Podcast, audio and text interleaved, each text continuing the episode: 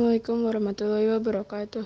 Alhamdulillahirrahmanirrahim. Puji syukur kehadirat Allah SWT yang telah memberikan iman lahir dan batin serta kekuatan dan kesehatan kepada kita semua sehingga kita semua dapat berada di rumah masing-masing dalam keadaan sehat walafiat. Salam serta salam Salam serta salam semoga terus tercurahkan kepada junjungan kita Nabi besar Muhammad SAW yang telah mengantarkan umat manusia dari peradaban hidup yang jahiliyah menuju pada peradaban hidup yang modern yang penuh dengan kemajuan ilmu pengetahuan dan teknologi seperti yang kita rasakan pada saat ini. Semoga kita semua termasuk hambanya yang taat yang berhak mendapatkan syafaat di hari akhir kelak. Amin ya rabbal alamin. Hari ini saya akan kuliah mengenai kisah Nabi Sallallahu Alaihi Wasallam. Nabi Saleh diutus oleh Allah untuk menyeru ke kaum Samud. Sebuah kaum yang mayoritas bekerja sebagai petani, penggali sumur, dan penggembala. Salah satu kaum yang tak tercatat dalam sejarah suku Arab namun termaktub dalam Al-Quran dan hadis. Mereka tinggal di sebuah lembah luas bernama Wadi Al-Qura. Kaum Samud ingkar terhadap nikmat yang Allah berikan. Mereka tidak menyembah Allah, melainkan menyembah berhala. Siapa pun yang, menye siapa pun yang menghalangi mereka menyembah berhala, maka akan menjadi musuh mereka dan menghukumnya. Beliau pun amat sedih melihat kelakuan kaum Samud yang menyembah berhala. Para penduduk pergi ke gunung ke gunung begitu lama dan menyembah batu besar. Hal itu juga dilihat oleh anak cucu mereka dan akhirnya melakukan hal serupa. Mereka mengelilingi batu besar kemudian menyembelih domba berharap rahmat darinya. Sehingga apa oleh penduduk tersebut terus mengakar. Nabi salah tahan dan pergi menuju ke batu yang disucikan kaumnya. Kemudian beliau pun berkata, Wahai kaumku, sembahlah Allah, tak ada Tuhan selain dia. Namun perkataan Nabi selalu tentang oleh kaumnya. Bahkan mereka mengatakan bahwa Nabi Saleh telah gila. Kemudian salah satu di antara mereka berkata, Jika kau adalah Rasul Allah, dapatkah kau mengeluarkan seekor unta betina hamil dari batu ini? Mereka tak akan percaya atas apa yang dikatakan Nabi Saleh sehingga apa yang mereka hingga apa yang mereka mau tercapai.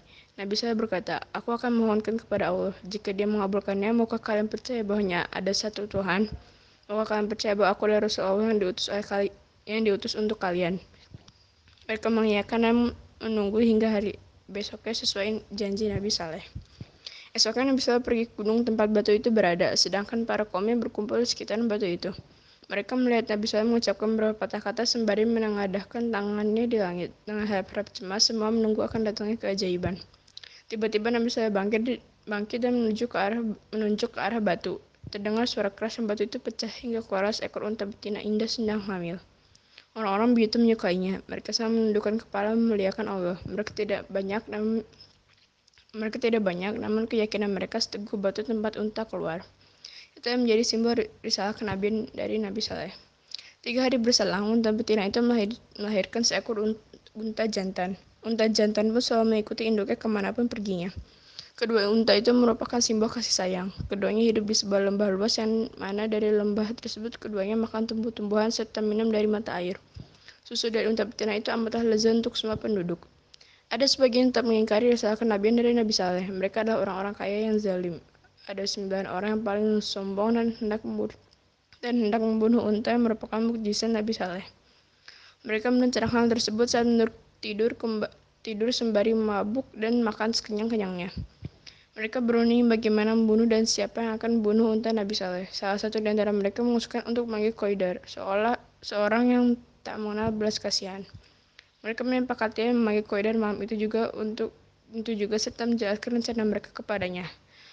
Koidar begitu semangat dan hendak berangkat untuk membunuh unta Nabi Saleh. Namun mereka melarangnya karena mereka menginginkan eksekusi rencana pada esok hari. Keesokan harinya, saat unta betina dan unta jantan menuju padang rumput yang hijau, tempat biasa kedua unta itu pergi, unta-unta itu dihadang oleh Koidar. Koidar menghunuskan pedangnya, namun unta itu, unta itu berontak sehingga Koidar memukulnya hingga roboh. Saat itulah Koidar membunuhnya tanpa belas kasihan. Kesembilan orang itu juga mau melewatkan kesempatan. Mereka terus menghujamkan pisaunya ke tubuh unta tersebut, kemudian memutilasinya menjadi beberapa potongan. Tak bosan hanya unta betina, mereka mengejar anak unta betina. Merasa tak melihat tempat bersembunyian, unta jantan pasrah sembari mengeram tiga kali. Tak bisa diarahkan pedang koider terhunus pada unta jantan. Maka semua puas telah melampiaskan dendam kepada Nabi Saleh dan membunuh kedua.